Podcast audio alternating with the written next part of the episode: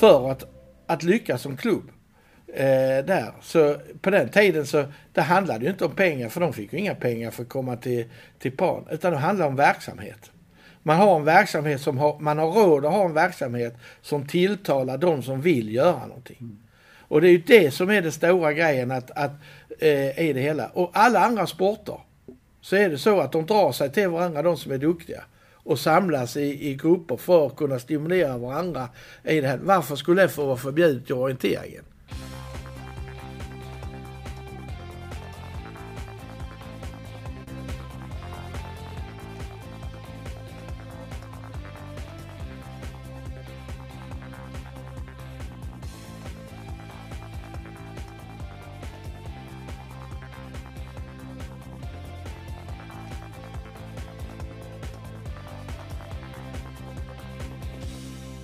Hallå där och återigen varmt välkomna till Radio O-ringen Podcast. Vi är nu framme vid avsnitt 96 så här på vårvintern kan vi kalla det för här i Sverige i alla fall.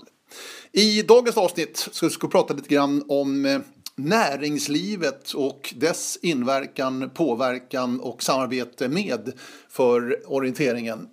Ett jättebra exempel hämtar jag ifrån början av 1980-talet. Ja, jag vet, det är ett tag sedan, men ändå en viss pionjär måste jag ändå lov att säga. Han är Sten Ravhed som då var klubbledare i orienteringsklubben PAN i Kristianstad. Blev sedermera under den här tiden i början av 1980-talet PAN Önos lierade sig alltså med ett eh, företag, en sylt och safttillverkare i Tollarp strax utanför Kristianstad. Men den här resan som Sten Ravhed och Pan gjorde under den här eh, årtiondet då i början av 1980-talet är väldigt, väldigt spännande att lyssna till och jag tror också kan vara lärande för många att höra hur Sten och Pan agerade och arbetade på den här, eh, på den här tiden.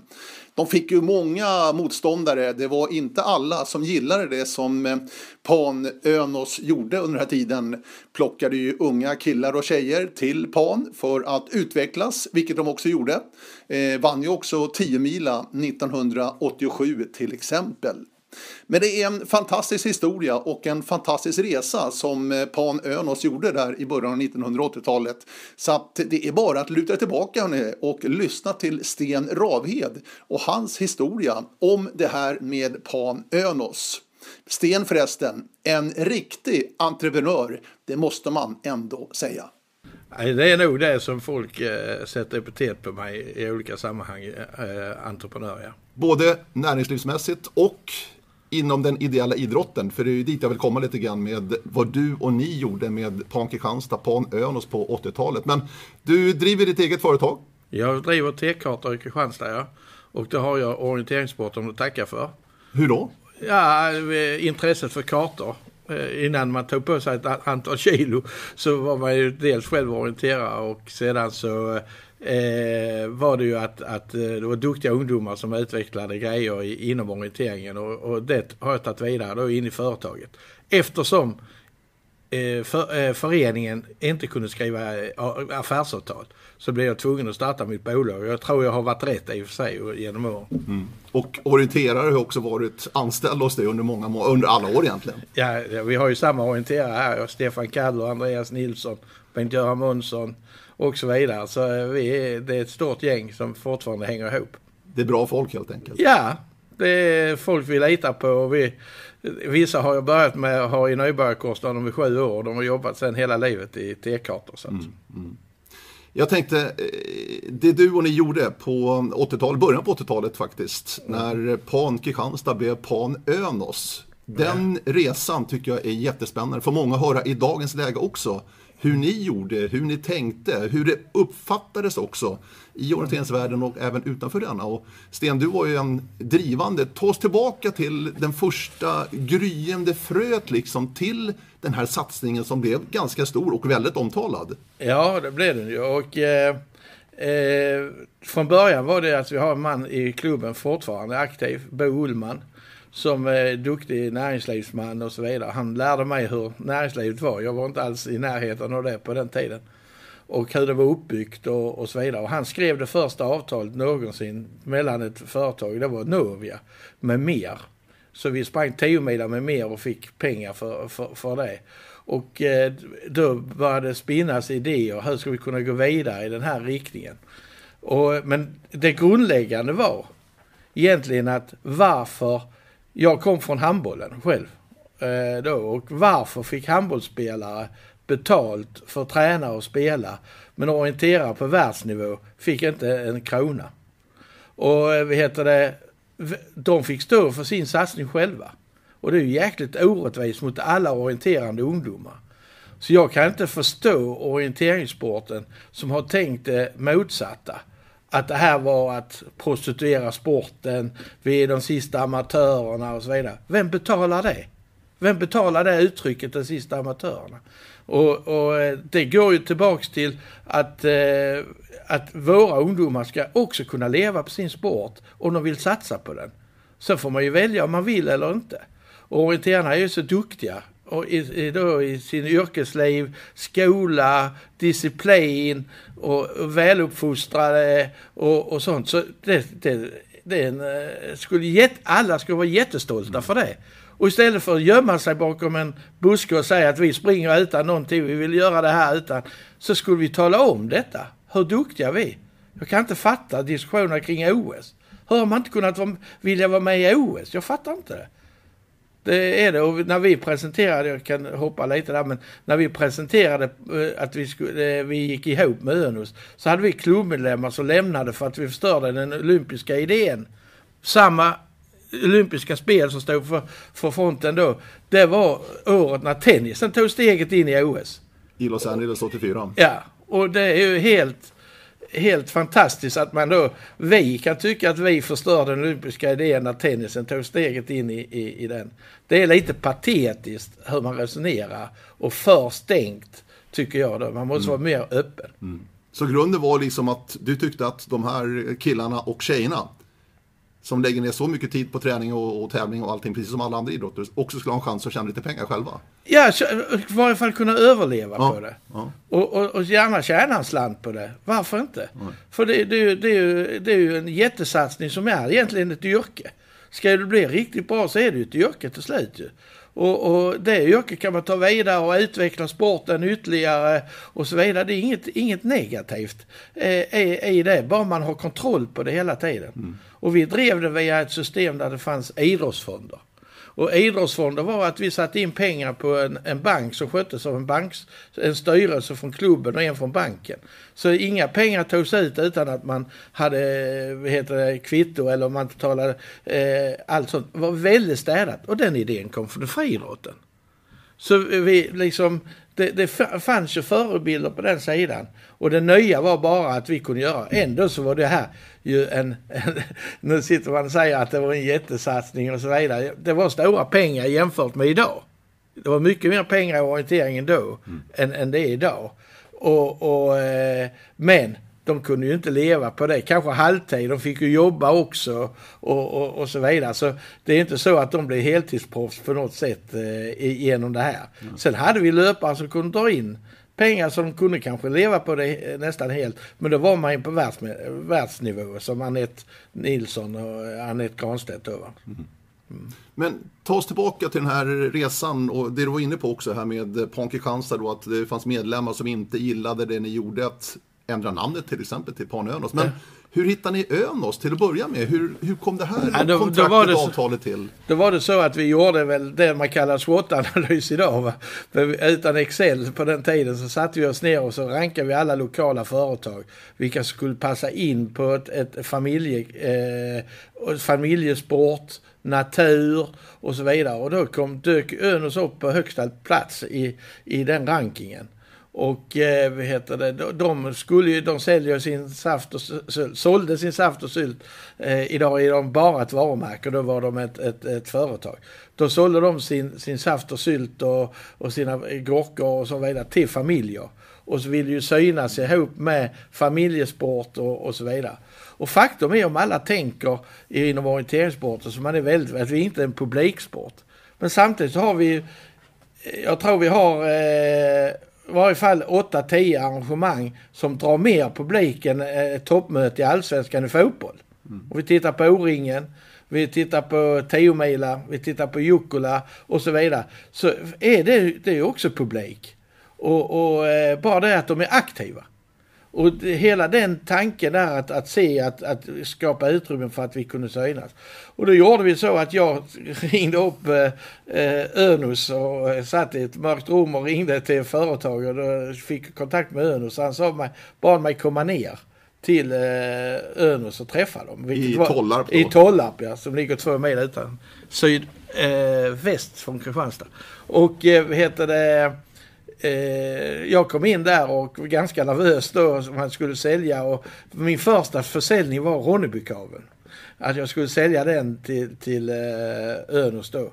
Ronnebykaveln? Ja, det var den första stafetten det år, eh, varje år ju. Ja, ja, ja, ja, ja. Och, och, och endast, eh, alltså anledningen var då att jag skulle försöka sälja arrangemang efter arrangemang. För det var en tanke vi hade då i, i det. Att komma ner och säga att ni ska köpa hela klubben alltid var kanske gjort för vi ville lyfta in, inträdesbiljetten. Så att det kostade mycket. Skulle du sälja hela klubben direkt så fanns det liksom inget, mm. då kunde man äh, sälja sig helt fel. Mm. Och det var ett sätt att lära sig marknaden. Och äh, vet du, jag kommer ihåg att jag sålde Ronnebykabeln för 30 000 kronor 1900 80 och det var jävligt mycket pengar för en liten stafett i, i Ronneby. Och eh, det var det är totalt misslyckat eftersom eh, vi vann. Både dam och herrklassen tror jag vi vann. Och vi stod i tidningen med våra stolta dräkter och då lärde jag mig att det här med eh, att en svart eh, med rött uppe på i svartvit bild, det blir svart allting. Och så deras logga syntes inte. Och jag, jag, var väldigt nervös när jag körde ner till, till Tolla för utvärderingssamtalet. Och, så sa, och det första han sa, det, det blir bra fast vi inte syntes. Men vad kostar ett helt år? Och då blev, blev det... Eh, de frågade det alltså? De frågade. Och då fick de ett pris på ett helt år och eh, då rullade det igång eh, från det här. Sen blev det ju väldigt intressant för oss att ha den här kontakten. För vi byggde upp det med nya idéer. Vi drev en, en, en eh, vi drev en eh, fotbollscup i ishallen för att visa att vi kunde arrangera och, och, och så vidare. En orienteringsklubb, varför gör man det? Ja, det var ju för att visa att vi kunde göra saker som var häftiga och så vidare. För konkurrensen är ju hög från andra företag runt om, äh, andra idrotts, idrotter runt om. Och fotbollen framförallt var på ön och så ville ha in dem. Och slutligen blev det så hård konkurrens att vi sa vi ska ta steget fullt ut. Vi, vi går ihop med dem som eh, eh klubb och företag. För att stänga ute den konkurrensen så var vi alltid på en, en, en, en, eh, en, en, en rätt nivå. Mm. Att vi var tillsammans, vi hette. Och det, det är ju glädjande fortfarande att höra folk säga Panönus. Det, det är ju ett fantastiskt marknadsföringsgrej eh, som det var. Även om till exempel Radiosportens Leif Larsson var emot fullständigt eh, allt det här. Även om han kunde säga i en golfsändning att det hette eh, eh, cykel, Postgirot Open eller Postgirot eh, cykel. Det kunde man säga men, men Önus i orienteringssammanhang det kunde man inte säga förrän vi vann 10 milen. Hur, hur var det gentemot Svenska Orienteringsförbundet? Var det också problem att Ja, det var att ju... hette Pan Önos, för att det var ju väldigt nytt. Ja, det, det, var ju, det var ju, fanns ju två olika läger där va. Men, men ju mer jante det var ute i, i, eh, i, i svensk eh, orientering, ju starkare blev vår mm. intern, eh, vår, vår klubbkänsla. Mm. Mm. För vi tyckte vi hade det bra och vi kunde göra det vi, vi ville och så vidare. Och klubbmedlemmarna ställde upp. Alla hade samma regler till pengar. Så all, allt var prestationsbundet 95 procent. Mm. Så var och en i klubben kunde tävla och bli världsmästare. Då fick de lika mycket betalt. Alltså det var ett väldigt enkelt system på det, på det sättet för att man skulle inte spräcka klubben. Utan klubben skulle hålla ihop. Sen var det ju delade meningar det här med att vi gick ihop. Men det är ju två grekiska gudar, så Oinos, vinguden och Pan, skogsguden, kunde eh, förena sig där. Och, och faktum var att det var många av de äldre som gillade väldigt, väldigt mycket den här tanken för att ta de nya stegen. Och det, tillsammans med dem drevs det igenom då i, i, i klubben. Just det. Och efter Ronneby-Kaven, du kom tillbaka, de ville vara med på det här Ja. mer på riktigt, Önos. Ja. Hur tänkte ni då? Vad, vad liksom... Nej, då var det, vad- det, vad- det, det idén jag är inne, jag kanske är för snabb där, men då, då var det ju tvunget att vi måste ju skapa något nytt hela tiden. Mm. Och det stora är ju TV. Och, och eh, heter, vi försökte ju då skapa TV-kontakt hela tiden och Svenska Orienteringsförbundet var väl inte så aktiva. Och idag är ju orientering en fantastisk TV-sport. Tänk, alltså det är ju helt otroligt vad det har utvecklats. Så, eh, men på den tiden var det ju inte det utan då ville vi lära oss det och då, då åkte vi upp till eh, TV-sporten, Bo Ullman framförallt då, och eh, sålde in att vi skulle göra en, en, en tävling. Eh, och det blev för att den, som, den journalist på TV-sport som var intresserad var Lillen Göransson, Jan-Erik Göransson. Och han hade Lilla Sportspegeln som har ju tittarsiffror som var fantastiska. Och precis in på familjer. Mm. Så det var ju en jättegrej för oss att få 20-25 minuter orientering i, i Lilla Sportspegeln. Så ett helt program förutom den här lilla tävlingen de hade och introduktioner och sånt där var orientering. Och då satte vi upp och gjorde en, en tävling som heter Baltic Meeting.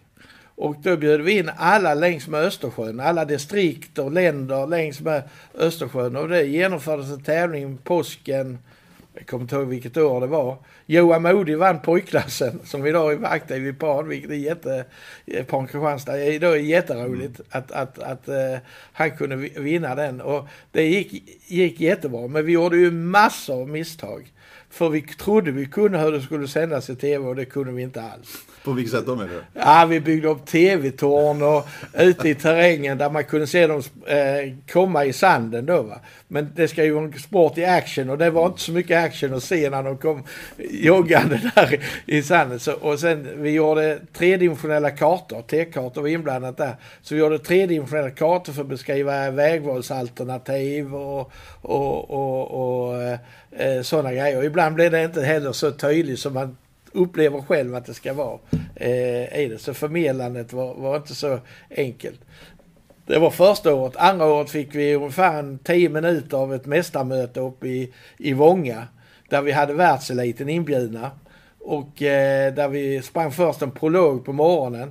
Sen hade vi en debatt emellan eh, prologen och själva tävlingen. Med TV-sporten. Hur orienteringen skulle komma in. Och jättemånga deltagare i den. Norska landslaget kom ner med bil.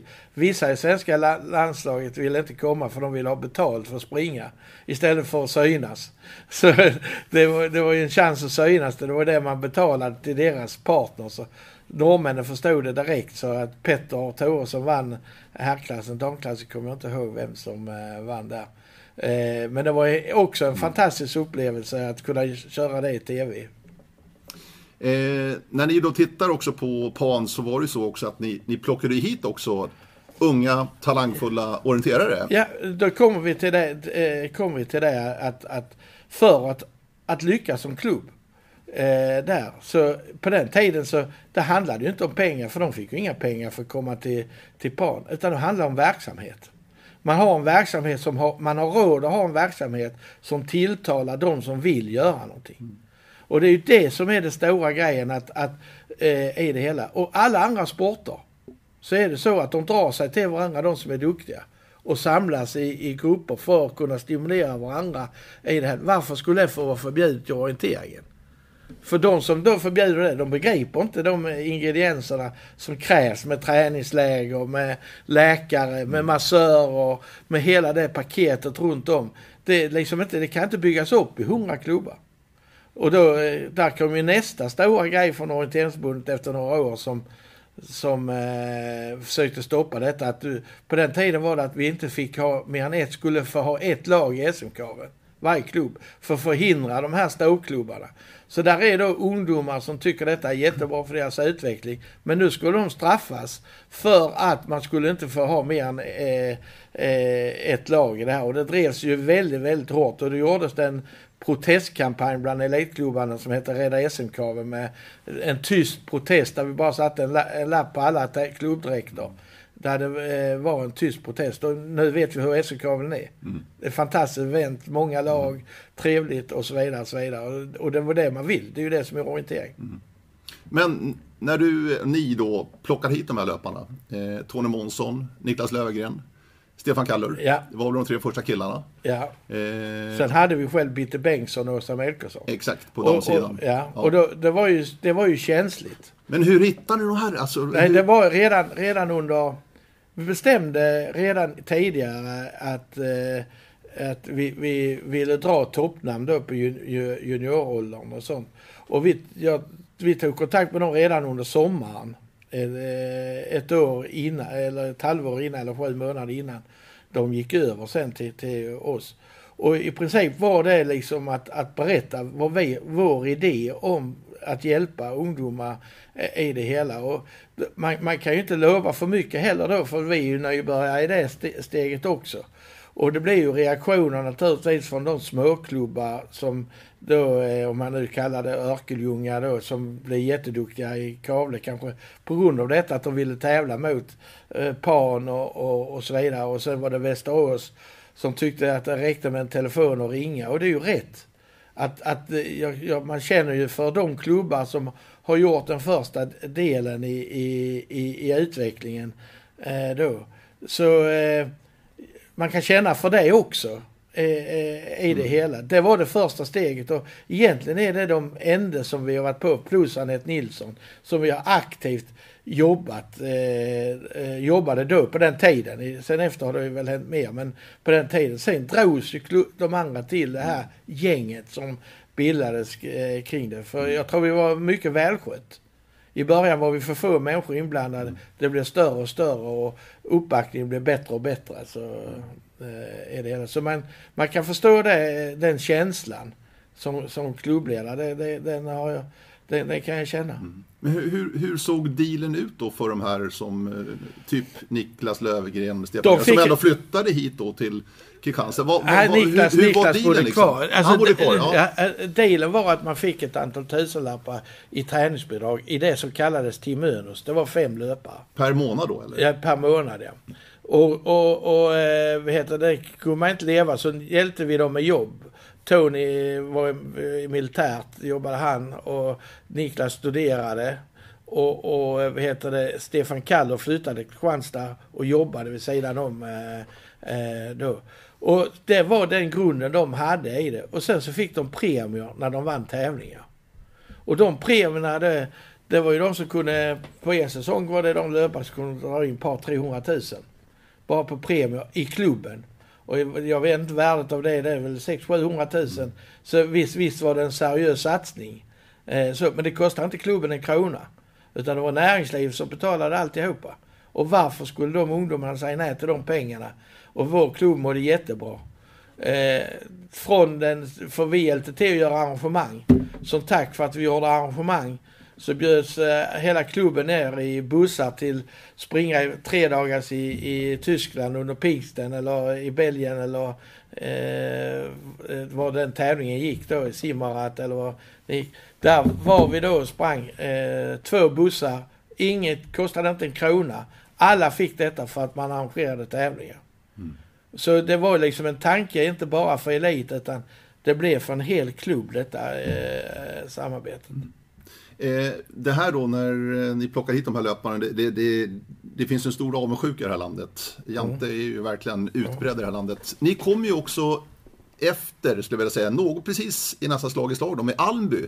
Som också gjorde en stor satsning då efter O-ringen 79 då, där de gjorde pengar och Almby IK då De låg lite ett, före. De var lite före er, precis. Ja, så de- att de har de- ändå öppnat dörren lite grann Ja. för det här tänket. Ja, Eller? ja, och de låg ju på då löpare från Pan i det. Och på något sätt var det ju ändå Almby som, eh, som, och eh, Södertälje delvis kom lite efter oss tycker jag där. Men, men eh, det blir ju då att, att ska- de ta våra ungdomar eller ska vi behålla dem? Och när vi då fick förutsättningar att kunna behålla dem, då blev det ju tydligt för oss att satsa. Men annars var ju det löpa på väg. Jan Granstedt hade redan gått till Almby. Han, på den tiden var han ihop med Åsa Melkersson som var också aktuell för Almby. Men hon stannade kvar då i, i och blev en del av Team Önus. Och den satsning vi gjorde. Så jag, jag eh, man, man kan säga så att, att det gäller verkligen att, att se om sitt hus och ha en strategi för det hela. För det, och sen har ju Almby försvunnit eh, som, som klubb eh, efter det. Men det var nog de som triggade igång mycket. Hur, hur pass tätt var samarbetet med Önos för dig Sten? Alltså, hur, hur, hur yttrar sig det så att säga? ja. Samarbetet med Önos och PAN? Det, det, det yttrar sig på många konstiga sätt eh, egentligen. Jag var lärare och eh, heter det, i närheten av Tollarp. Och, Eh, inte varje dag, men många dagar så körde man till Önos och, och eh, då hade de bildat någonting annat då, som de skulle ut med Önos. Till exempel behövde frisbees, ryggsäckar och, och, och så vidare. Och då hjälpte jag att köpa in sådana grejer, för det kunde vi använda i orienteringen med och sånt. Så det, man gick väl lite under gårdfarihandlarens namn. att hjälpa till eh, då på det. Men allt var ideellt från min sida. Det var inte en enda krona jag tjänade på det här utan det var liksom, där är orienteringen fortfarande då ett föredöme för mig. Att, att ledarna kan jobba ideellt och man kan lägga den tiden ideellt men det, pengarna ska gå till aktivitet och orientering. Mm. Men hade du ett kontor där i Tollarp? Nej, på nej, nej, nej, nej. Jag bara var där ofta. Du bara var där ofta. Men... Så det, det hände saker som att eh, jag hade ju rätt mycket saft och sylt i min källare. Eftersom mm. det skulle delas ut till löpare och det var priser på våra tävlingar och, och, och så vidare. Så eh, det, det, var ju, det var ju rätt mycket eh, Önos i, i, i mitt liv mm. på den tiden. Och Önos då, å sin sida? Hur, hur nöjda var de med det här, när det, när det liksom var som störst det här projektet? Jag tror att de var väldigt, väldigt nöjda. Jag vet att vi gjorde en marknadsundersökning i eh, Åhus några år efter, där eh, vi hade satt igång, där de skulle rita en löpare med en nummerlapp. Och då skrev 70 procent Önos på den nummerlappen. Och då har man ju liksom här lokalt i varje fall förankrat eh, eh, det epitetet eh, väldigt starkt, eh, deras eh, branding då. Och eh, det som sen hände var ju att, att det blev uppköpningar i den marknaden. Så de fem, fem unga entreprenörerna som hade köpt Önos precis när jag tog kontakt med dem. De blev ju då uppköpta först av alltså Skandia Invest och sen blev de uppköpta av norrmän då va, Orkla. Och då, då marginaliserades Önos som varumärke så man gick ihop Bobby i en samma koncern och så vidare. Och då, då var det inte intresset lika stort att, att profilera på, på det här sättet. Sen är det ju också svårt som idrottsklubb att behålla det tempo som krävs mm. för att göra det. Men för vår klubb har det ju betytt jättemycket eh, de åren. Det är jag helt övertygad om. Mm. Eh, du var inne lite grann på, du tycker nästan lite synd om de småklubbarna då som eh, ja. Niklas från Västerås då, ja. och Tony från Örkelljunga. Men i övrigt, hur, hur gick snacket liksom? Ja, det var hur uppfattar du det? Det var emot. Det var emot? Ja, alltså, ja, det var emot. Alltså, det var ju väldigt, väldigt emot och allt vi gjorde det var fel. Jag kan ta en tävling som ett exempel. Fem dagars Östersund kommer inte ihåg vilket år. 89. 89. Då körde vi upp i husbilar som var sponsorer. Vi bodde i sig i lägenheter men vi hade husbil ute på tävlingarna och, och, och, och så va. För att det var Arka, husbilen som vi eh, samarbetade med. Och eh, eh, när vi var där i Östersund så plötsligt blev det jättemycket snack om att vi hade tryckt Önus på rumpan på, på löparna. Och ni vet, det, idag så springer de förbi kontrollen men på den tiden så var det enda gången de stod still det var ju när de stämplade. Och då såg man häcken väldigt bra och då stod där Önus eh, på, på, den. Och eh, vad heter det, eh, det var skandal att livsmedelsföretag kunde sätta Önus i, i bak. Och nu kan ni tänka er vad som har hänt efter det här med reklam i rumpan. Mitt nästa projekt förresten var att trycka en handels, handbollsklubb med Eon och då stod det naturgas på eken istället. Men eh, vad heter det, i, i detta eh, eh, blev det, det omtalat och det gillade ju Önos. Folk de trodde ju då att oh, detta är inte bra, det här är inte bra. Men eh, Önos fick jättemycket medialt och fick försvara sig och förklara att det här är, det är frågan om branding, det är inte mm. frågan om någonting annat och, och så vidare. Och det slutade då efter fyra individuella lopp så, så var det jämnt i täten. Och Niklas Löfgren just hade då eh, genom att springa fyra individuella lopp, man får inte glömma det, och det var jämnt. Och en av de andra löparna var ju Kent Olsson som är en fantastisk orienterare som är i, i det och var på gång då. Och de skulle springa sista etappen och de gick ut i närheten av varandra. Mm. Och jag tror det kanske var någon till med. Jag, tror, jag kommer inte ihåg riktigt. Men i varje fall så eh, jag hade ju Niklas taktiken klar för sig. Att han var ju bättre på sporta än Kent. Och eh, heter det, de kom in på upploppet och, och eh, han eh, vann eh, då fem dagars där. Och eh, sen stod det i, skånska, i en skånsk tidning stod det att Niklas Löfgrens fusk att springa efter som de tyckte då sista etappen var värre än Ben Johnsons doping i Sydkorea. Nej. Det, ja, det är helt fantastiskt att man eh, kunde driva Jante så långt så, så det blev på det sättet. Och det var rätt, rätt så tråkigt eh, i det hela. Sen försvann det. Sen så tog vi ner orienteringsförbundets styrelse till ett möte. De fick träffa Örnus, fick träffa. Så hela tiden så jämkades det ut och, och folk tyckte vi kanske var en förebild istället. Och, och eh, det tror jag att, att det slutade i liksom mer att, att det var ett, en, en bra grej för orienteringssporten. Mm.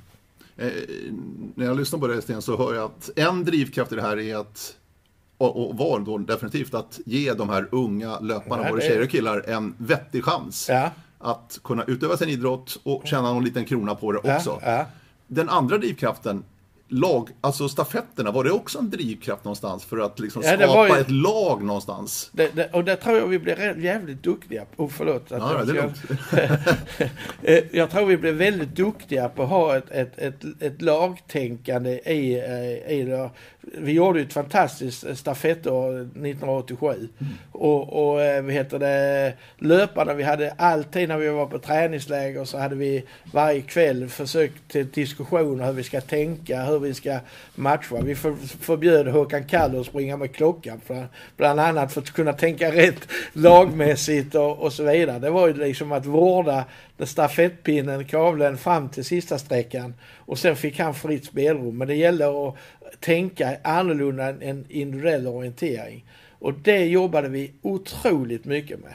Ja, hur, hur, hur, liksom, hur jobbar ni med det? Samtal. Ja, okay. eh, då egentligen löparna, vi, vi lyckades ganska bra i början. Eh, 85 eh, direkt. Vi var vid trea inför sista sträckan på 10 mila både här och dam. Och, och första året vi gjorde det här, vilket var eh, fantastiskt bra. Eh, då. Men eh, Eh, sen tappade vi på sista sträckan där eh, då. Och, men inte så katastrofalt utan ganska bra. Men eh, då blev det sen att vi inte riktigt levde upp till vad vi själv hade mm. satt upp för mål, jag kommer ihåg Bo Granstedt tog upp den så. Hur ska vi göra för att komma? Vi, vi får inte vara nöjda. Vi måste göra så. Det kom ju från löparna. Det växte fram en, en diskussion och vi läste eh, idrottspsykologi och, och sånt för att ta oss det steget också eh, vidare då i, i, till, till nästa nivå. Mm. Och, och eh, på något sätt så började det stämma då. Eh, ofta kommer ju den här vinnande klarar du en så klarar du flera eh, grejer. Det, det är ett vinnande koncept på något sätt. Men efter hårt arbete på träningsläger nere i Portugal inför 87 var, eh, var vi väl rätt så mogna för att ta oss an eh, det året. Och det mm. blev ju viktigt. För jag kommer ihåg att det var ju sponsorer som Eh, Eh, och partners som inte ville vara med längre. Då, va? då hade vi kört några år och det kostade ju att vara med här med dräkter. Jag kommer ihåg det var vdn Thomas Bengtsson på Yngve Ek som gick in Sten. Nu får du inte mer. Nu får du bevisa. Ja men om vi vinner 10 milar var min klo då, då ska vi ha det och det och det och det. Och det. Ja, det får du om du vinner 10 mil. Och då gjorde vi det. Ja, vi måste stanna där några minuter 1987, Gimo och 10 mil. Det blev ju ett otroligt rafflande. Ja. Du varit inne på Niklas Löfgren redan då, 89 ja. när han avgjorde mot Kent och ja. O-ringen fem dagars i Östersund. Eh, och också han som avgjorde verkligen till er före. Men ta oss tillbaka Sten, till 87. Vad, vad har du för minnesbilder av 10 mila där? Alltså känslan ni gick in i. Ja, det, det, det var vi, vi, vi försökte ju bo så proffsigt som möjligt. Det var så nytt på den tiden. Och eh, vi bodde på ett, ett hotell faktiskt i Gimo. Och hade kanonförläggning och vi kom upp och eh, vi var ute innan, det var en långhelg. Och vi var i Norrköping innan och åkte upp gemensamt och hade jättebra diskussioner. Alltså uppladdning dagen innan fredagen var jätteviktig för oss och, och för mig att förmedla vad vi ville och vad vi skulle och, mm. och att vi är ett lag och vi står upp för varandra och, och bilda den grundtrygghet samtidigt som man tog diskutera sträcka för sträcka, två löpare åt gången, man bröt ner det och så vidare. Och kom du ihåg 1987 så vann Sverige VM guld i hockey genom ett fantastiskt samspel av tre spelare med Thomas eh, Sandström som målgörare. Mm på Loobs pass tror jag det var. Absolut, bakom Bengt ryggen. Gustafsson först. Ja, Loob ja, och så Sandström. Ja, ja. Och det satt vi ju så gemensamt. Att man slog ryssarna där och det, det, det var en god känsla och vi, eh, så. Och sen så var ju med rena jippot egentligen för det gick ju upp och ner fantastiskt. Vi var ju långt efter och kom fatt och vi var långt efter och kom fatt. Och, ja, det hände mycket det där. Ja, det var, det var liksom eh, helt otroligt. Och, men sen så blev det ju så att vi var 13 minuter efter ut på sista sträckan. Och Björn Stenberg var själv 8 minuter av dem. Så vi var inte så långt efter egentligen, men det var ju världslöpare. Håvard Tveite, Jörgen Mårtensson och så vidare. Men Niklas han lyckades där och eh, driva igång någonting som gjorde och eh, den, eh, han mötte Jarmo Reimann på sista från, eh, vad heter det? Anneli Menankori. Ja, exakt. Och som var en, eh, en banlöpare egentligen. Och den prestation som Niklas gör från näst sista kontrollen in till mål genom att springa fatt och, och förbi honom. Och det var en händelse där som vi kanske inte många känner till.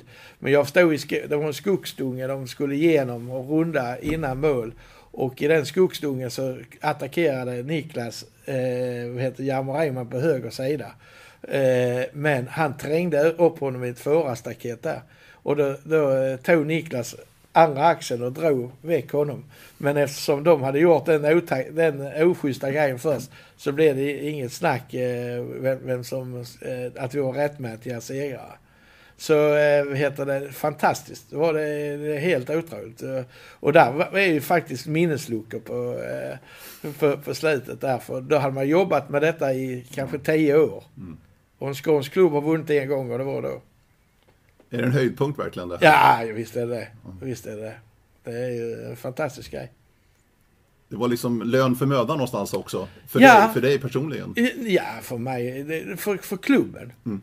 All detta äh, avundsjuka, det var ju många som äh, spydde galla kanske då också. Det, på något sätt så fick de ju idrottsligt se att vi inte hade gjort fel. Att vi hade tagit hand om ungdomarna, vi hade skött oss och de, eh, var det.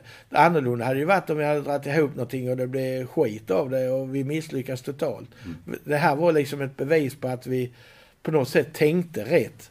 Sen var det ju en, en tävling som var lite tillfälligheter och, ja, och, och, och, och, så. Och det kanske krävdes för att vi skulle vinna, jag vet inte. Men så visade vi, vi vann Smålandskraven, vi vann uh, Sjumannakraven, vi vann rätt mycket det året.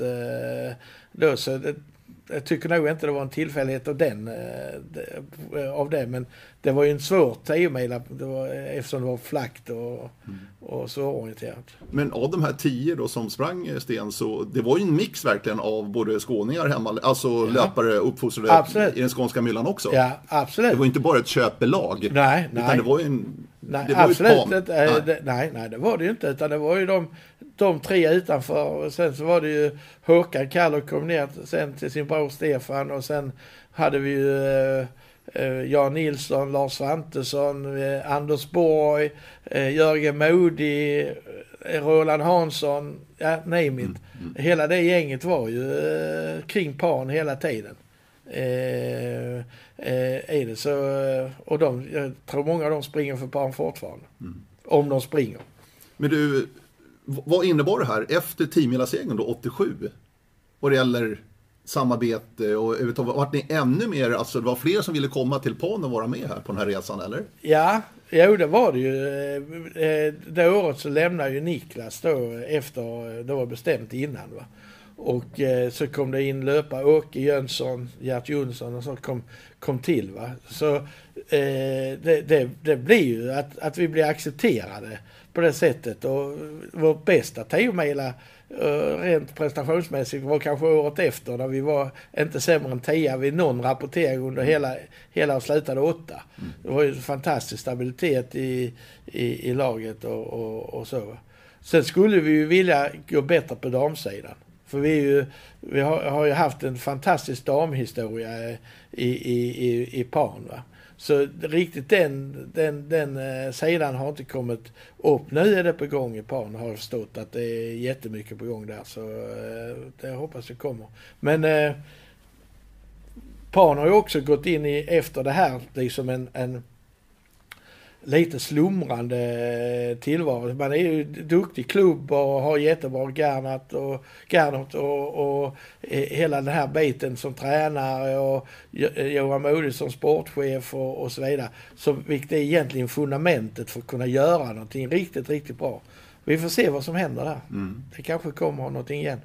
Vad skulle du, du är inte speciellt engagerad just nu inom orientering, du är mer handbollen Sten, som ja. du har varit engagerad de senaste decennierna egentligen. Ja. Efter det här med orienteringen ja. har du varit oerhört engagerad i handbollen. Mm. Men i dagens läge, hur ser du liksom på att det är många klubbar som verkligen vill hitta samarbetsformer och hitta partners och få in lite pengar i verksamheten för att ge möjligheter till sina löpare. Ja. Vad är problemet alltså? Var, varför är orienteringen så pass svag i det, i det här egentligen? För att det tycker jag att vi är. Nej, profileringen. Jag, jag tror alltså utåt så profileras vi inte på eh, eh, rätt sätt. Nu med Tove Alexandersson så det, kan det bli ett lyft för hela sporten. Mm.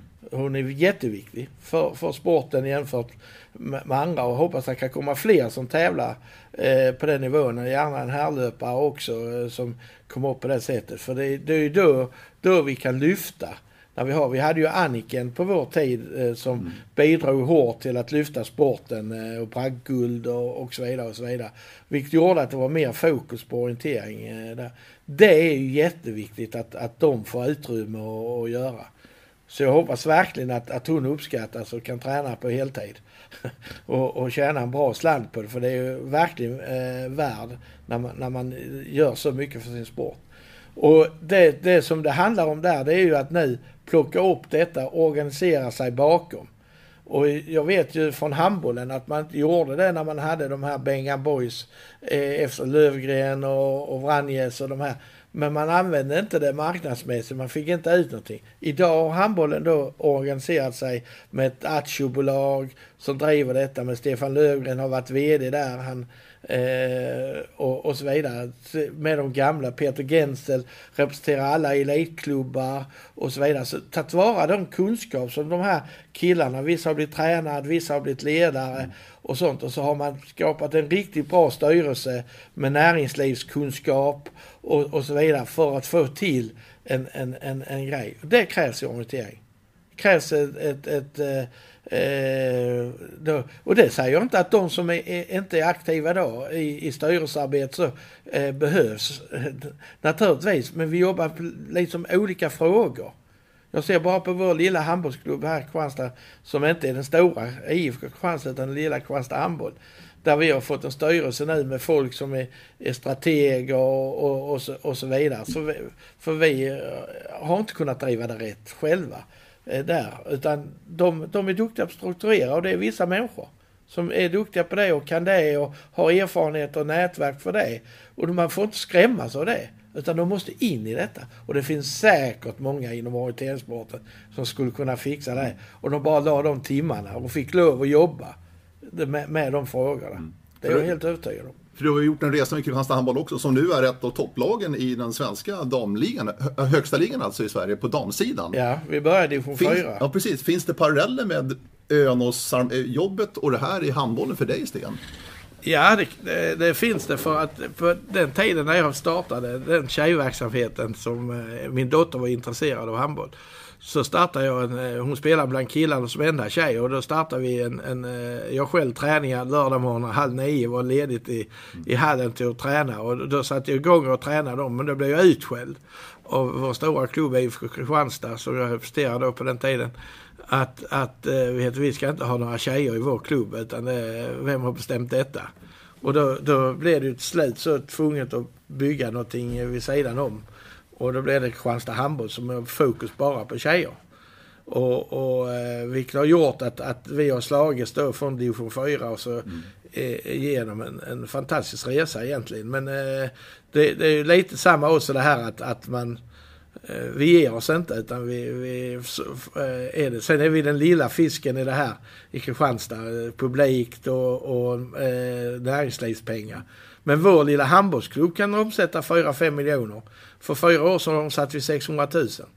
Och, och eh, vilken klubb i orientering gör det? Och det är ju merparten eh, samarbetspartner. Mm. Hur med eh, orienteringen i dagens läge för dig Sten? Nej tack. Per Ullman har hjälpt mig med grejer i Kristianstad handboll. Det är många orienterare till min stora glädje som går och tittar på vårt lag. Eh, då, de är handbollsintresserade och, och kommer ofta och snackar och, och, och så. Va? Och det, det, det, är jag jätteglad för. Att, att de gör det. Och då har Bo Ullman hjälpt vår klubb lite grann i det. Och nu ska jag försöka leverera tillbaks som tack för att de har ställt upp och hjälpt eh, Kristianstad handboll med vissa grejer. Så eh, det kan bli något spännande på gång. Mm. Jag tänkte avslutningsvis bara, eh, du var inne på det eh, tidigt här i eh, podden med tv-sändningarna som har utvecklats enormt på orienteringssidan där vi har en väldigt bra tv-idrott idag. Ja. Hur, hur, viktigt är det här nu framöver? För, och du var inne på OS också. Att ja, ja, ja, ja, orientering skulle kunna bli en världssport. Jag ritar själv kartor i hela världen. Och, och våra stora, mina stora kunder här i företaget, de kan man nästan säga att jag har lärt mig av P.O. Bengtsson att de, de, det bästa kanske inte är här hemma utan det finns runt om ute i världen eh, fantastiska eh, områden och springorientering och, och sånt. Och precis samma sak är det, det här med eh, är det att kunna sprida sporten internationellt och så vidare. Och det är OS och TV en, en eh, hundra grej för. Jag tror du skulle kunna få hur många ungdomar som helst intresserade. Jag kommer ihåg eh, när jag försökte rekrytera ungdomar eh, då på 70-talet till orienteringssport så fanns det en film som eh, man hade gjort i Blekinge över ett slut med tejmilar på ett kalhygge och så vidare. Jag sände den här delen varje gång. Efter det jag hade sänt den delen för de här ungdomarna så var de ju tända till tusen. Och tänk att se det vecka efter vecka i tv. Vad det skulle göra. Det är ju helt otroligt hur mycket det skulle göra för orienteringssporten. Och skulle det sen komma ut över världen och, och, och, så vidare. För egentligen är ju det det stora. Hur hittar jag i tätorter? Hur tar jag mig från punkt A till B? Och så vidare. Det kommer en miljon nya turister varje dag till London. Hur ska jag ta mig till hotellet? I det sitter T-kartor med idag och planerar. Hur ska man berätta detta för kunder med kartor på skyltar, kartor elektroniskt och så vidare. Men man måste ta hand om sina gäster och, och i detta. Vi jobbar i Hongkong, Toronto, New York och, och så vidare. Och det är ju fantastiskt, för det är ju lite orientering i det. Mm. Men den nya tekniken, kommer orienteringen också liksom utvecklas åt det hållet? Ja. Alltså papperskartan? Är det, kommer det vara ett minne blott tror du? Nej, alltså om som, det är ju mycket möjligt. Nu är jag kanske för gammal för att se, för, för, för se, se, se sådana grejer och, och sånt där. Men för mig är ju det det fina, det stiliga att du kan ta din papperskarta och, och, och köra. Men kartan kan ju bli bättre. Kartan kan ju vara mer eh, säsongsbetonad. Den kan vara eh, mer rättvisande. När det är slöj i Skåne så har vi en karta för den slöjen och så vidare. Den uppdateras på ett annat sätt, ger mer fair orienteringsbeslut i, i, i eh, rätt, rätt tid och så vidare.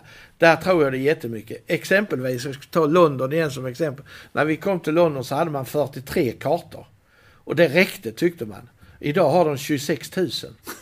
Så vi har varit med om hela den resan att gå från 43 kartor upp till 26 000 kartor.